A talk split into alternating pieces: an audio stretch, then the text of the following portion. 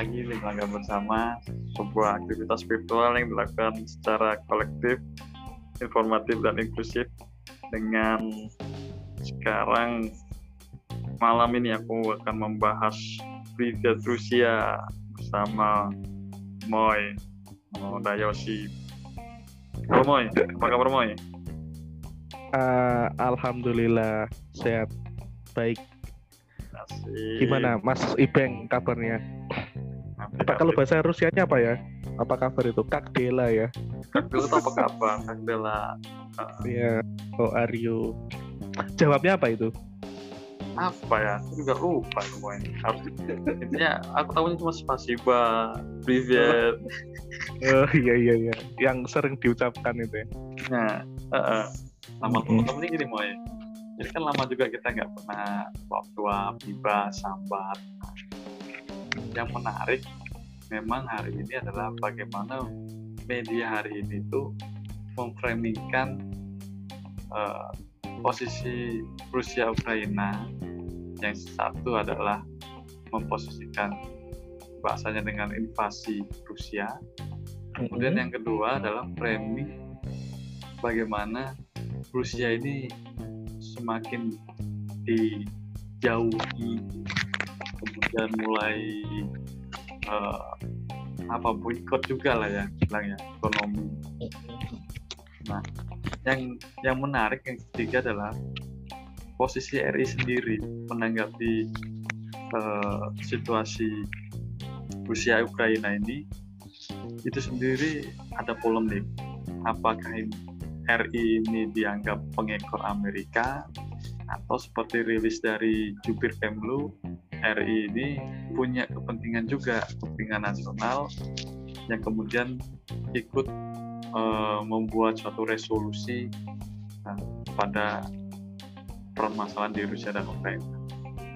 Nah, mungkin sebelumnya ini sebagai pengantar aja ya tadi uh, kita ternyata ada kesepahaman atau persamaan nasib, persamaan uh, rasa gitu ya terhadap negara yang paling luas lah aku bilang karena mencakup wilayah Eropa dan Asia gitu ya mm-hmm. yaitu Rusia. Nah, iya, iya. Mu sendiri Rusia apa sih yang menarik uh, dari Rusia teman? Uh, kalau saya ya Mas, uh, sebenarnya saya itu uh, secara pribadi ya ada apa ya memori ya ingatannya bahwa saya ini uh, boleh dibilang Rusia banget ya, mohon maaf ini mungkin terdengar sangat klaim ya sangat apa subjektif tanpa hmm. ada pembuktian dan seterusnya tapi kalau boleh cerita saya itu uh, apa istilahnya mengenal Rusia dan kagum dengan Rusia itu malah justru sejak kecil ketika saya itu awalnya ya mas awalnya itu dari game mas kalau kita hmm. tahu itu dulu ada rental PlayStation gitu ya kan hmm. itu ada satu game yang saya itu sulit banget melewati tantangan di titik ketika itu dibunyikan Moskow Moskow okay. salah satu ibu kota Rusia yang ya, ketika yeah. saya bermain itu kayak nggak selesai selesai gitu tantangannya berat sekali gitu kan sampai uh, saya main game nyewa game eh, kita belajar apa istilahnya uh, ngerental lah ya main PS uh. gitu itu saya demi menyelesaikan misi di Rusia loh itu. Apa nama gamenya main? Berat sekali. Nama gamenya itu? Gamenya waktu itu Casper and the Friend apa apa? Casper, uh. Casper, game Casper, hantu hantu Casper itu. Uh, Nyelamatin okay, temennya okay. gitu loh. Oke. Okay. Ghostbuster itu lah ya. Ini sampai ya sampai apa di Rusia itu sulit banget sampai saya itu okay. tahu betul gitu di Rusia itu bersalju di Rusia itu ada kayak bangunan kayak masjid kalau ya. kita tahu sekarang itu apa gereja kastil. ya saya kastil itu ya. kastil ya kastil terus termasuk boneka bonekanya kan ah. ada apa uh, kalau boneka yang khas Rusia terkenal itu kan namanya Matryoshka ya. Walaupun nah. secara budaya populer Rusia sangat kurang lah di mata internasional. Ada Matryoshka itu saya tahu persis. Ditambah lagi mas, uh, ditambah lagi kalau saya pengalaman pribadi sejak kecil saya itu suka lihat atlas, atlas peta dunia. Ya. Nah, melihat uh, Rusia itu areanya sangat luas sekali, ini besar sekali negara ini. Dan dia mencakup uh, wilayah yang areanya itu di sekitar Eropa sampai ke utaranya Cina gitu. Nah, ya karena dulu dan dulu itu sering kalau saya baca repul waktu SD karena atlas itu pasti gandengannya sama repul apa rangkuman pengetahuan nah. umum ya lengkap dulu. Nah. Nah Rusia itu selalu tidak dimasukkan di wilayah Eropa atau wilayah Asia. Ya. Dulu saya pikir dulu waktu kecil saya pikir Asia itu ada asosiasinya gitu loh kayak semacam oh, oh ini benua Asia gitu. nama-namanya siapa saja negara-negara yang tergabung terus oh ini benua Eropa nah Rusia itu nggak ada di kedua-duanya itu nggak ada kalau di Repul dulu saya kayak ya ini negara atau benua sendiri? Gitu saya pikir kan besar sekali ya besar sekali. Ya itu sih. Kalau saya melihat Rusia dari segi subjektivitas saya, intersubjektif bahkan yang dipengaruhi dari pengalaman pengalaman pribadi ya, ya itu mas. Uh, apa ya Rusia menurut saya sangat memberikan kesan. Tidak kecil hmm. bagi saya. Iya sih. Hari ini pandangan Indonesia, pandangan dunia terkait sikap uh, kebijakan keputusan apa invasi presidennya dan sebagainya, ya itu masih debatable kan maksudnya diperdebatkan. Tapi secara pribadi saya berani mengklaim bahwa saya ini Rusia banget selain nasionalis ya, selain keluarga Indonesia. Saya dulu kecil itu pernah gini. Kalaupun saya ada kesempatan ke luar negeri, negara yang pertama saya ingin kunjungi adalah Rusia, khususnya Amin. Moskow. Ya, ya, ya, ya. ya itulah istilahnya kayak itu, itu ya, apa? Uh, apa apa ya istilahnya kalau mau ke sana tuh kalau ke Mekah itu apa motivasi emosinya lah ya ibadah oh saya iya, aja, iya. saya aja ke keliling ke itu uh, tanah merah. Nah kalau aku gini mau ya bahkan, bahkan sampai uh, aku mengagumi Rusia itu memang waktu kecil itu nonton TVRI ya. Pesawat tempur. Aku identik dengan Rusia oh, pesawat. Sukhoi tapi dulu cita-citaku kan sebenarnya pengen jadi pilot. Sukhoi iya pernah juga ya, keren gitu kan loh pesawat hmm. ya kan? Nah, memang bagaimanapun juga militeristiknya itu pasti pada saat itu ya pada saat uh, zaman zaman atau aku masih kecil itu ya militeristik banget gitu kan. Nah, semakin uh, mulai mencari referensi, membaca-baca lagi sejarah uh, peradaban dunia gitu kan. Ada satu titik ketemu kenapa mm -hmm. aku uh, lebih sering menangkap Rusia itu nggak terlalu yang beringas yang di framingkan oleh Barat gitu ya. Ya tahun 61 itu, mm, yeah, uh, pertama kalinya uh, Presiden Uni Soviet pada saat itu ya Nikita Khrushchev yang sampai menginspirasi nama-nama Rusia yang kemudian sampai ke anakku ini, ini berita itu itu juga karena aku pikiran harus ada bau-bau Rusianya ini gitu lah. Nah, bagaimana oh, sosok oh, iya, iya, kita iya. Khrushchev ini humble kemudian bisa uh, diterima dan maksudnya nyegani gitu loh dengan Indonesia yang ya negara apa sih Indonesia kan gitu kan ya uh, bahasa bahasa ininya lah ya mm. uh, tapi di situ aku lihat seorang pemimpin ya ya kita tahu kan perang dunia kedua ya otomatis kiblatnya antara Amerika atau Uni Soviet pada saat itu kan. Dua dua negara di daya ini gitu kan. Nah tapi secara pendekatan kok aku nangkep Indonesia ini lebih manusiawi ya? Kenapa ya? Sementara di, di lebih humanis, peradaban ya. yang lain. Ya lebih humanis. Secara peradaban yang lain Indonesia ini digambarkan dengan komunisnya ya yang sangat beringas gitu kan nah tapi itu uh, terlepas dari mana secara yang kemudian harus di uh, kita gali gitu. Nah tapi satu sisi aku nangkap kenapa aku lebih serak karena itu tadi faktor pendekatan dari uh, seorang pimpinan-pimpinan Uni Soviet. Nah kemudian aku juga menanggapnya gini moy, kenapa pada saat itu Pak Harto kuat? Gitu kan. Uh, sebagai seorang pemimpin gitu. Dia pun aku lihat diktatornya dia ini diktator kayak dia Soviet juga sebetulnya. Membawahi komando militer. Gayanya ya?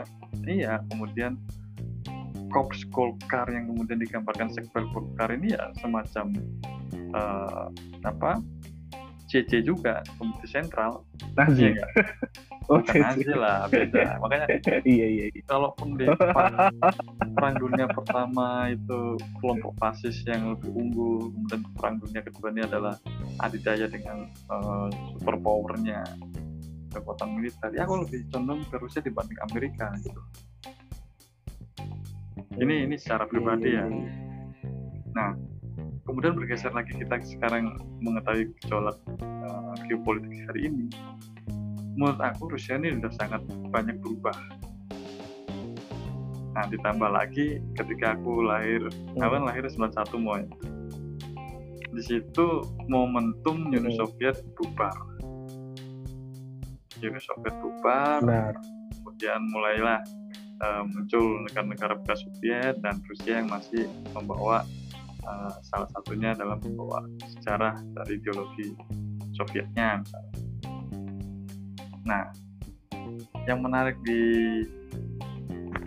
hari ini gitu, Boy, sebetulnya uh, kalau dari segi cara ber apa politik internasional, aku nggak tahu ya uh, apakah Rusia itu masih masih menggunakan DNA Sovietnya gitu ya? Menurut aku memang masih karena ada misi-misi intelijen yang kemudian uh, mereka menggunakan uh, iya gaya-gaya kepemimpinan uh, apa khas Soviet juga gitu loh. Ya Soviet. apa uh. yang bisa membayangkan presiden seumur hidup tapi dengan gaya demokrasi misalnya ya cuma di sana gitu. Jadi asik juga nih gitu loh mm -hmm, dan betul kan kalau tadi pengantar yeah, kamu yeah, sempat bilang studi ke Rusia itu masih murah ya karena memang subsidi uh, negara itu yang tidak mencari keuntungan dari uh, apa secara kapital gitu loh. Gitu. Nah makanya situasi sekarang kayak kemarin mulai muncul Rusia Ukraina sendiri nggak terlalu bukan apa ya karena antipati sih nggak. Dan menanggapi apakah ini kepanikan untuk work work terus gitu kan perang dunia ketiga menurut aku juga aku nggak meyakini itu gitu. Hmm. Ya, jadi kemungkinan ya, untuk hancur. Uh, ini nah. menjadi perang dunia. Uh, kemungkinan untuk menjadi perang dunia ini menurut sampean rendah ya? yang ya sebenarnya sudah kita alami perang dagangnya Amerika Cina ini sebetulnya gitu loh hari ini dengan posisi seperti ini gitu kan eh, bahkan perang dingin yang kemarin pun ya sebetulnya dunia sudah nggak baik-baik saja kan. Karena apa ya super powernya masih masih terasa ini Amerika dengan Rusia. Nah tinggal Amerika memilih apakah dia akan menjadi negara yang tertinggal apa terlupakan sebagai negara didaya atau ya itu tadi mau beradaptasi ya kalau kata Yogi kemarin kan apa kapitalisme hamil tua gitu kan ya kita se sebenarnya ini memang sudah menjadi Eropa yang sudah uh, peradabannya memang sudah tua gitu mm -hmm. ya kamu sendiri gimana mau menangkap tentang Rusia Ukraina itu? Wah, saya kalau saya sederhana saja mas, hura saya.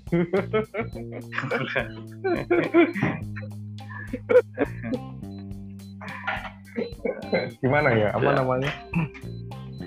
Uh, pertama saya bukan uh, pemerhati budaya Eropa Timur khususnya area area Rusia terus Belarus Ukraina dan pecahan Soviet yang lain Eropa Timur sampai ke Asia Utara itu. Saya, jujur saya bukan pemerhati sana walaupun saya sangat Rusia banget. Budayanya ya pemerhati budaya Hmm. keseluruhan sana. Tapi kalau melihat lagi-lagi kita kan nggak bisa ya mas ya. Sebagai masyarakat biasa terus memberikan justifikasi terhadap apa yang terjadi jauh dari jangkauan kita itu kan sulit juga. Hmm. Jadi lagi-lagi perspektifnya sangat subjektif, sangat sangat subjektif. Di sisi Hmm. lain saya juga bukan ahli hubungan internasional, Sekarang ini Tapi- banyak ahli, Bos. saya tetap oh ya melebar melebar jauh ini tapi saya Hmm. tetap saya pikir apa yang dilakukan Mr. Putin itu sangat apa ya masih dalam level wajar menurut saya sebagai pemimpin negara Hmm. kalau kita baca berita kan salah satu alasan Pak Putin melakukan invasi ke Rusia adalah Operasi eh, militer. desakan operasi militer Rusia ke Ukraina itu adalah alasannya salah satunya adalah apa? Ukraina yang ingin bergabung ke NATO, mendesak untuk bergabung ke NATO itu kan. Nah, di sisi lain NATO sendiri juga ada apa itu alasan yang kita tahu fakta Hmm. pertahanan Atlantik Utara ya Eh, apa Hmm. ada kaus yang berbunyi ketika NATO itu diserang yang lain wajib bantu gitu kan kurang lebih Hmm. begitulah bunyi. Hmm, hmm, Nah, itu kan artinya sebagai presiden Putin memberikan apa ya mempertahankan Shock. kedaulatannya karena malah ya shock ke mem- melakukan itu karena dia juga mewanti-wanti loh lek Ukraina masuk NATO dan pangkalan militer NATO akan ditempatkan di Ukraina. Wah bahaya sekali posisinya Rusia. Dia semakin tertekan kan gitu. Hmm. sak timbangannya durung ya kan timbangannya durung lek Jawa. Timbangannya durung ya wis mumpung durung aja kita invasi Ya, kasih shock terapi ben gak usah aneh-aneh kok niku gitu ibaratnya Hmm.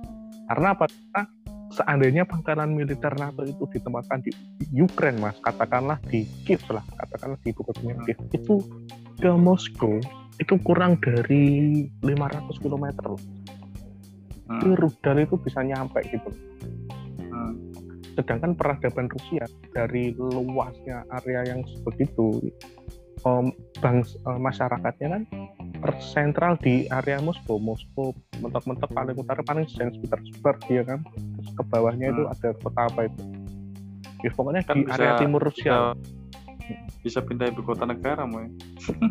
bisa ibu kota tidak iya tapi kalau cuma urusan administratif kan ya lucu juga nggak Hmm. seurgent itulah ibu kota negara Hmm. soalnya kalau kita lihat perat apa masyarakat Rusia yang ya didominannya di wilayah timur daripada di wilayah barat di wilayah barat kita tahu tuh kota besarnya cuma ada Vladivostok kalau nggak salah ya itu yang Rostov. Hmm. dekat dengan perbatasan Vladivostok itu dekat dengan Jepang dekat dengan Korea Oh. Taiwan situ Hmm. Ya lebih ke Asia. Ya. saya pikir itu kota ini lebih ke Asianya tapi tetap ada eh, ya, tergabung di Rusia. Ya itu tadi Hmm. mas. Mungkin salah satu alasan put gitu melakukan itu. Ini penilaian saya secara subjektif ya. Bukan Hmm. karena apa ya ag- agresi ini di- dilakukan tindakan ini dilakukan bukan karena hanya ingin menunjukkan po- powernya, bukan hanya ingin melakukan perluasan wilayah, tapi karena ini, sikap bertahan.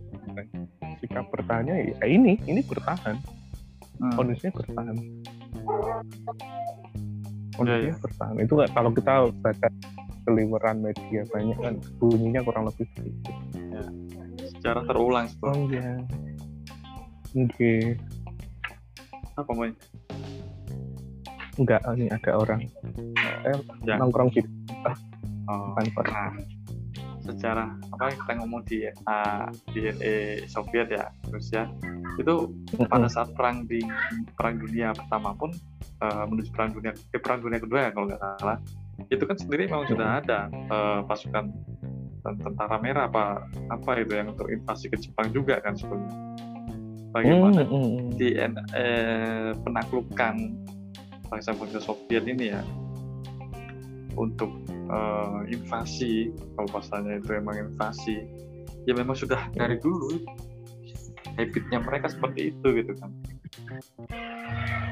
Berbeda dengan penaklukan bangsa-bangsa yang ada di Amerika gitu. Siapa pun imigran apa pun eh, ya tanah merdeka itu ya ada di Amerika kan gitu. Nah Hmm, hmm. makanya ini terjadi sebenarnya memang perang dagang Amerika dan Cina peradaban baru gitu loh siapa yang lebih kuat nah hari ini kami melihat eh, Rusia dengan gaya invasi itu bukanlah Rusia yang kemudian ingin menguasai sektor ekonomi semata gitu. karena benar benar. eh, secara penaklukan teritorial itu bukan gayanya Rusia sebetulnya. Tapi itu tadi kehormatan Oh, itu ya. kewibawaan mereka untuk menjaga ke- kedaulatan wilayahnya. Wilayahnya. Dan dan juga kewibawaan mereka sebagai bangsa yang itu tadi yang lebih heroik gitu kan.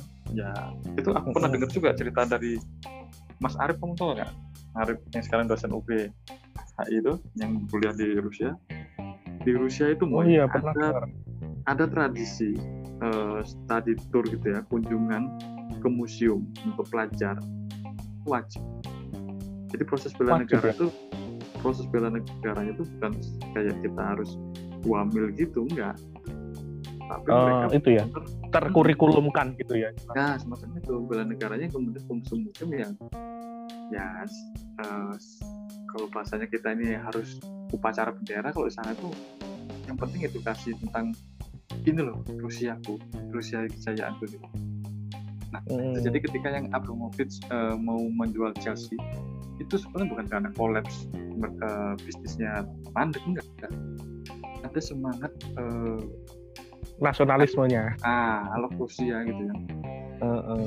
ya harga diri dari ketika Ah. Rusia di OT gitu ya, Heeh. ya mereka akan condong untuk ngomongin loh aku Rusia rek gitu loh Eh, nggak mau diganggu seperti itu gitu. nah kasus di. Ukraina ini memang jadi pemantik di satu sisi itu tadi kalaupun ini NATO ini apakah pula dari Ukraina sendiri atau memang ada eh, intervensi dari Amerika yang ingin mempertahankan eh, apa sektor ekonomi yang kemudian basis Eropa itu masih di kendali Inggris Amerika kan gitu kan Heeh. sebetulnya.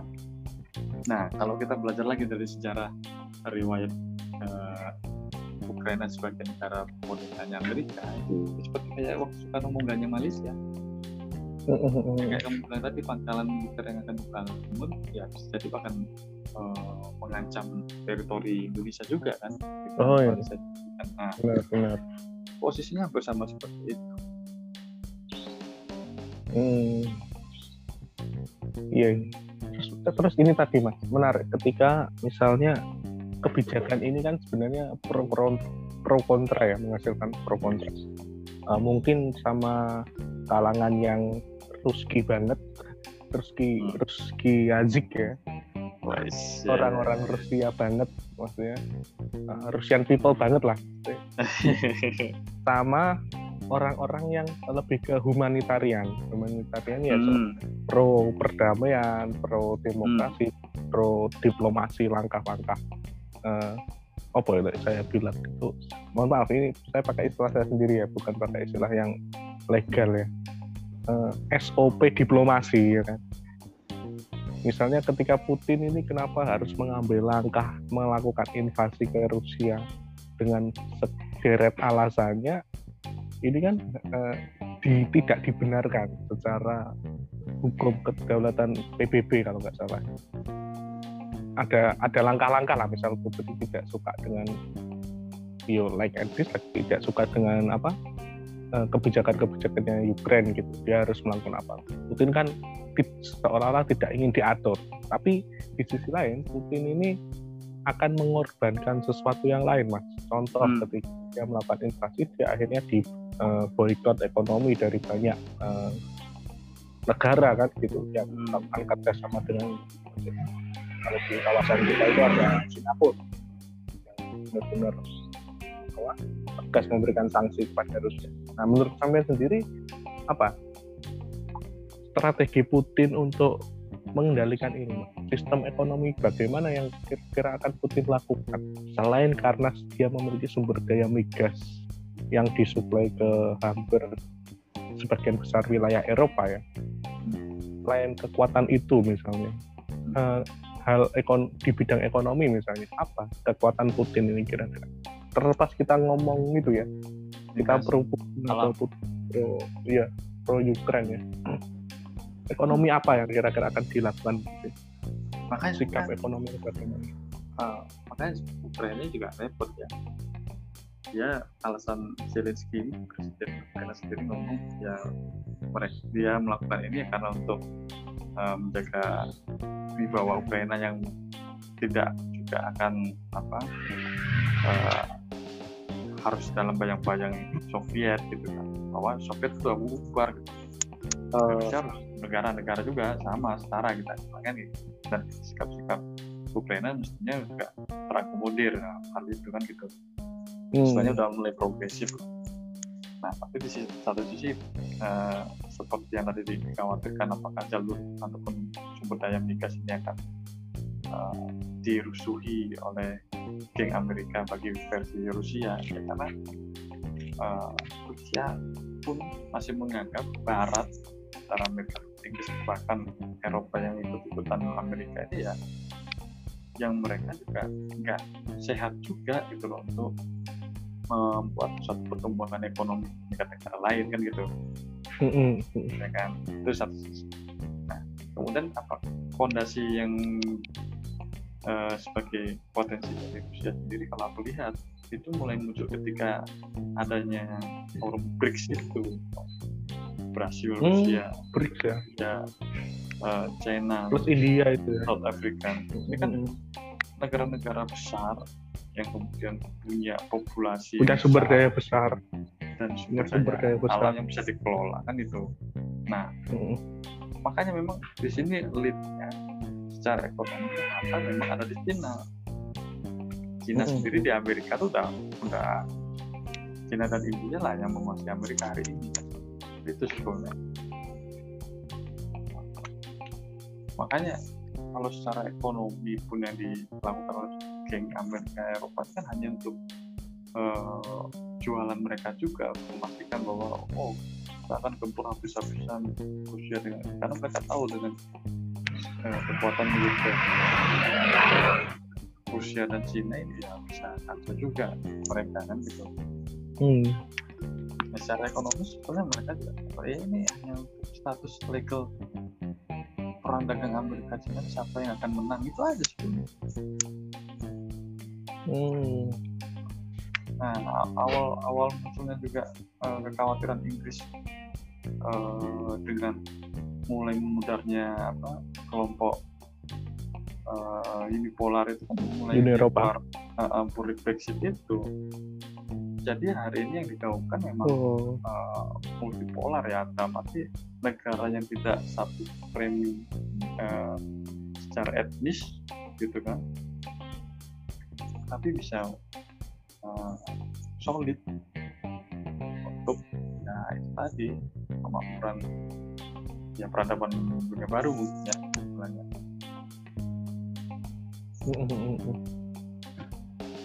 makanya ya sebetulnya emang nggak perlu khawatir kalaupun stok di Eropa buntu uh, Rusia tidak akan kelaparan juga gitu loh aman ya sebenarnya untuk apa sumber daya yang artinya gini tidak tidak begitu tergantung ya ke Krisis. negara lain yang memberikan sanksi tadi ya. Hmm. Hmm. Terus kira-kira mas sikap ini, ini kok saya yang jadi tanya ya nggak apa-apa ya iya, diskusi ngobrol aja. Oh iya. Kira-kira sikap Indonesia melihat hal ini karena karena pertama pertama secara ras kita jauh ya kan, secara geografis kita jauh, secara apa ya? Dekat mungkin kita hanya dekat di historis aja ya. Karena dulu presiden kita kita dekat dengan Gubernur Soekarno gitu aja Nah, selain itu semua, Indonesia sebagai negara yang ibaratnya di luar ring, ya, di luar arena, apakah memang hanya sebagai penonton saja? Kira-kira bisa ikut andil dalam hal apa? Kalau dibilang RI hanya penonton, ya bisa. Lagi-lagi kita cuma nonton. Bukan, karena tidak juga konstitusi kita ini politik bebas aktif punya nah cuma yang miss. Ya benar. Uh, berita yang terakhir ini yang terbaru kan yang masuk ini nah ini nggak tahu nih sengaja uh, modelnya seperti apa ya yang bisa membuat uh, duduk bareng Rusia dan Ukraina ini itu sekarang Israel. Makanya aku nggak tahu ya Israel ini apakah semacam negara masa Maksudnya? depan atau gimana jadi ada pembentukan terbaru si PM gitu si PM uh, Israel. Udah berkomunikasi dengan Putin hmm. dan juga berkomunikasi dengan Zelensky. Yang mana hmm. mereka berdua akan uh, duduk bareng lah setelah masuk itu kayaknya sekarang situasinya udah mulai gawat hmm. Monggo sebetulnya dengan posisi Indonesia menjadi presidensi G20 Indonesia juga inisiasi ASEAN dan Indonesia juga yang punya kawasan Asia Pasifik di masa depan gitu kan. Hmm. pendekatan Jokowi yang dekat dengan uh, Biden maupun Putin gitu kan. Dan juga Xi Jinping gitu kan. Pastinya kita harusnya hmm. sudah pede gitu hanya saja di sini aku melihat ya belum waktunya Indonesia untuk ambil uh, dalam hal yang khusus semacam ini. Wah, iya. Banyak, Jangan kan itu ikut iya. perang dunia ya. Piala dunia aja nggak pernah ikut kan gitu. Katanya. Katanya recruiting gitu. itu Iya, komedian siapa itu? Ari Kriting. Oh, Ari Kriting ya. uh, ya kecauan lah itu ya. ya gimana iya, iya. bisa kita punya banyak hajatan juga. Uh, uh -uh.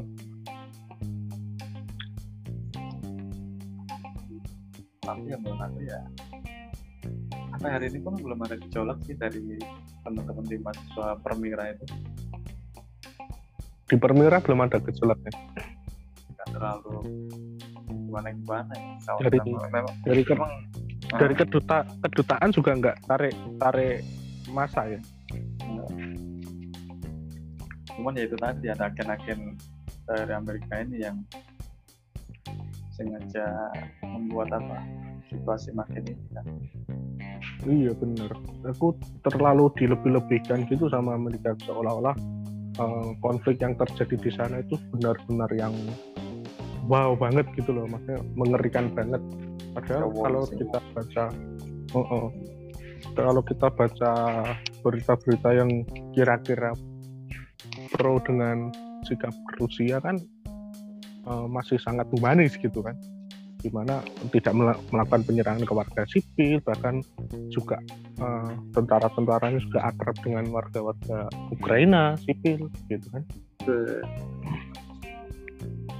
Aku aku nggak nggak nyaman tapi aku lihat juga posisi Amerika juga menyerang Ukraina itu dalam arti uh, ada kecerdasan ya dari intelijen Rusia ini yang Donbass itu Donetsk sama oh, Luhansk itu. Donetsk Donbass nah, itu yang yang yang ada kelompok separatis yang masih mengakui uh, Rusia dan mereka mau memproklamirkan kemerdekaan kan gitu. Oh benar nah, benar. nggak nggak diungkap ataupun diangkat di PBB ketika ini ada negara yang merdeka dan tidak mau mengakui Ukraina tapi mereka oh, oh, benar. bantuan ya, bahasa mm -hmm. uh, mengamankan ini kan dari tadi karena solidaritas uh, masa lalunya trust ya trust, ya, pendekatan sukunya ini sangat wajar mm -hmm. untuk uh, Rusia hadir di sana kan gitu ini yang yang menjadi strategi Eh, tapi Hah? intelijennya Rusia. uh, Tapi Putin kan mengumumkan nih kemarin apa negara-negara yang tidak dianggap tidak pro dengan Rusia. Dianggap lawan atau dianggap musuh gitu hmm, sama. tidak bersahabat. Ah, tidak bersahabat sorry. Tidak bersahabat dengan Rusia. Itu justru Israel tidak masuk list ya. Kenapa ya? Karena Israel dianggap bukan negara gitu mungkin ya makanya itu kan lucu kan. Israel ini menjadi kayak negara masa depannya atau apa gitu loh. Tidak dianggap sebagai negara gitu tapi kira oh. Karena Israel itu kan bangsa bukan negara dia. Ya itu sih. Makanya ya, bangsa penjajah itu tapi ya lucu juga ya. Eh, apa situasi oh, oh. Politik internasional sekarang ini. Jadi kita masih menggunakan rasional yang mana gitu loh. Keren sih benar benar benar. Ini keren.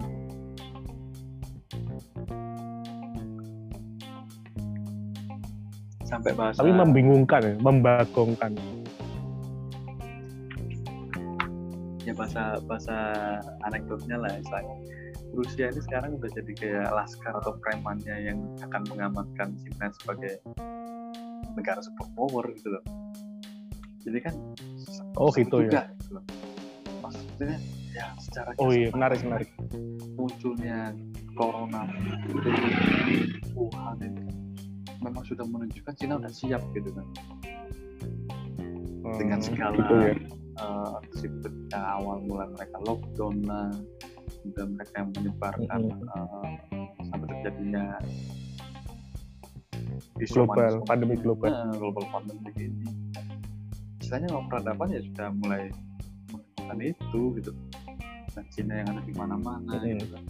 Ekonominya sudah kuat oh iya. Menarik menarik menarik menarik.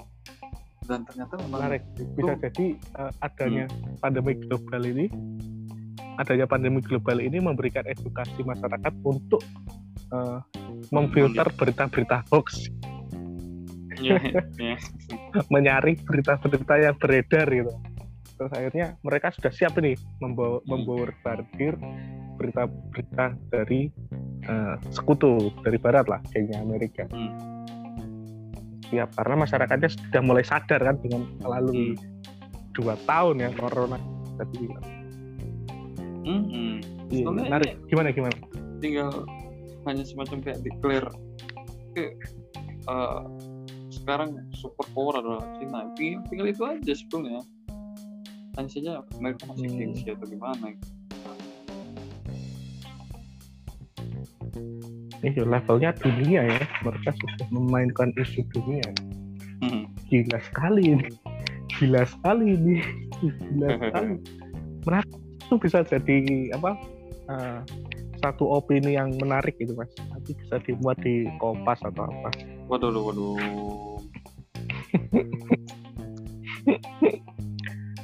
Nah. oke Gimana gimana? mungkin itu dulu moy Eh, Itu aja.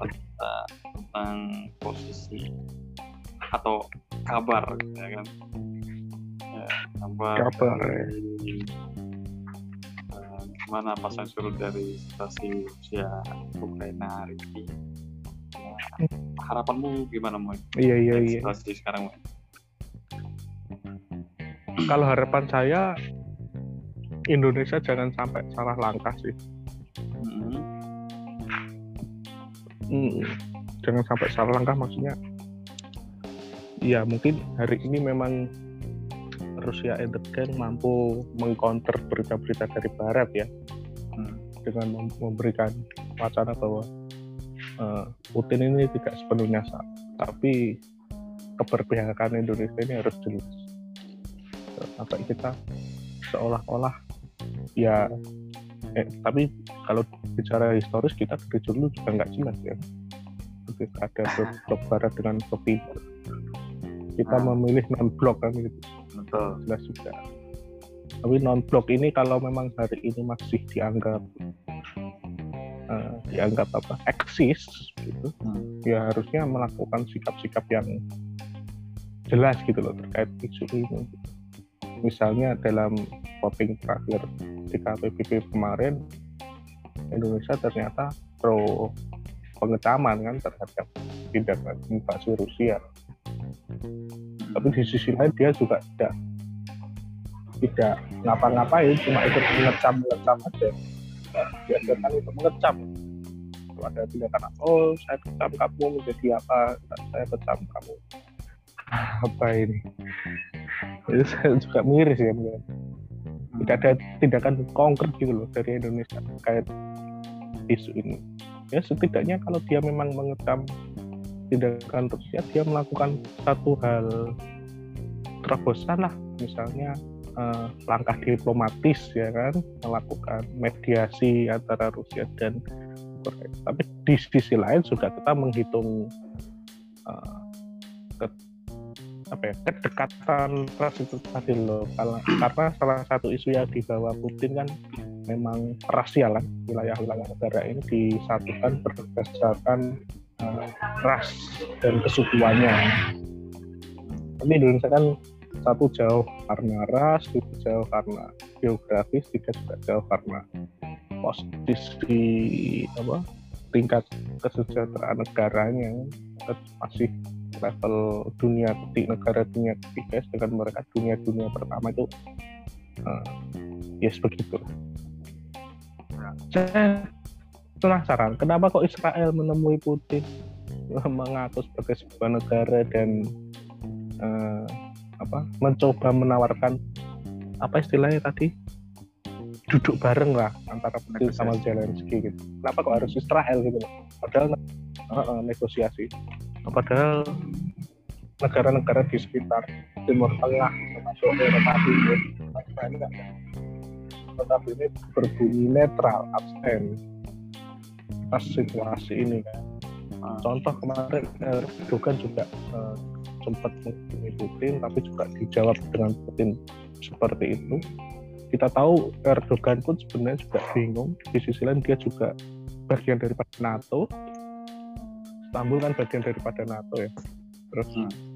Uh, Pangeran MBS dari Arab Saudi juga sempat menawarkan karena posisinya juga negara besar, punya sumber daya dan di, boleh dibilang netral terhadap konflik ini kan. Karena uh, mereka sudah beda ras uh, kondisi geografisnya juga beda tapi yo boleh dibilang nggak terlalu jauh sehingga untuk bersama di Arab Saudi ini lebih lebih itu sih lebih memungkinkan daripada duduk bersama di Israel Israel negara agak jelas. Ya harapan kita semoga ini tidak menjadi WB tiga. Menunjukkan uh, bahasa konstitusi kita ya. Mengedepankan pola-pola uh, diplomasi atau perdamaian. ketertiban uh, perdamaian. Ketertiban dunia nah, karena apa? Dari dari kacamata kita menangkap yang terjadi di sana adalah kemanusiaan juga. Mm uh, sipil yang dievakuasi dan uh, banyak korban uh, apa hasil dari peperangan ini inilah yang yang kemudian kita harus menyuarakan untuk stop atau kejahatan senjata. Nah, satu sisi Indonesia juga tidak mau terlalu dalam untuk mengintervensi karena memang uh, wilayah mereka itu ya wilayah yang istilahnya uh, masih ada irisan itu bagian dari Rusia yang belum tersisi lagi. Hmm. Nah, tapi itu uh, Ukraina pun kenapa kita harus mendukung Ukraina kalau Ukraina sendiri uh, misi utamanya adalah ingin gabung NATO. Nah kan itu bisa tidak mau juga. Mm -mm, uh, kita mengizinkan atau mendukung atau mendorong uh, Ukraina yang tergabung NATO kemudian yang nantinya juga menjadi bumerang juga nantinya. Mm uh, pemicu uh, hal-hal yang lain. Nah itulah uh, menangkapnya sih posisi kita yang memang strategis untuk uh, ke hal seperti itu. Tapi memang jadi catatan kita tidak ada langkah konkret uh, untuk uh, menyikapi situasi ini. Nah, untuk, untuk untuk masuk mengajak negosiasi ataupun uh, semacam apa pun itu karena mungkin uh, posisi hari ini bisa bukanlah bagian dari uh, dewan keamanan lagi ya kali ya uh, uh. jadi mau tidak mau tidak tidak bisa untuk uh, memutuskan sikap yang mengharuskan konflik karena memang belum sampai ke sidang sendiri untuk hal ya, apa ini menjadi bab yang harus diputuskan gitu. Hmm. Tapi resolusi itu aku pikir memang ada salah satu langkah juga sih. Kecuali nanti kemudian Rusia juga melanggar dan melakukan hal yang lain dari uh, apa target operasi mereka. Hmm. Tapi pemilu 2024 ini dipengaruhi oleh kondisi di sana. Oke, ini makin menarik ini mulai nanti bisa kita buka lagi uh, kesempatan tentang pemilu 2024 dan juga yang menjadi pertanyaan oh. kita dari pembahasan hari ini adalah siapa sih uh, bangsa Israel itu? Mungkin itu yang jadi PR dari kelanjutan iya, kesempatan yeah. kita nanti ya. Oke, makasih Moy. Iya, menarik, uh, menarik. Sama-sama. Kesempatan kita malam ini dan semoga ini menjadi ruang kita untuk me, bukan hanya menukar gagasan tapi menukar uh, perasaan kita yang lama tidak berkomunikasi. Iya, ah, menarik, Oke. menarik. Terima kasih ya Moy. Sama-sama. Assalamualaikum. Thank you.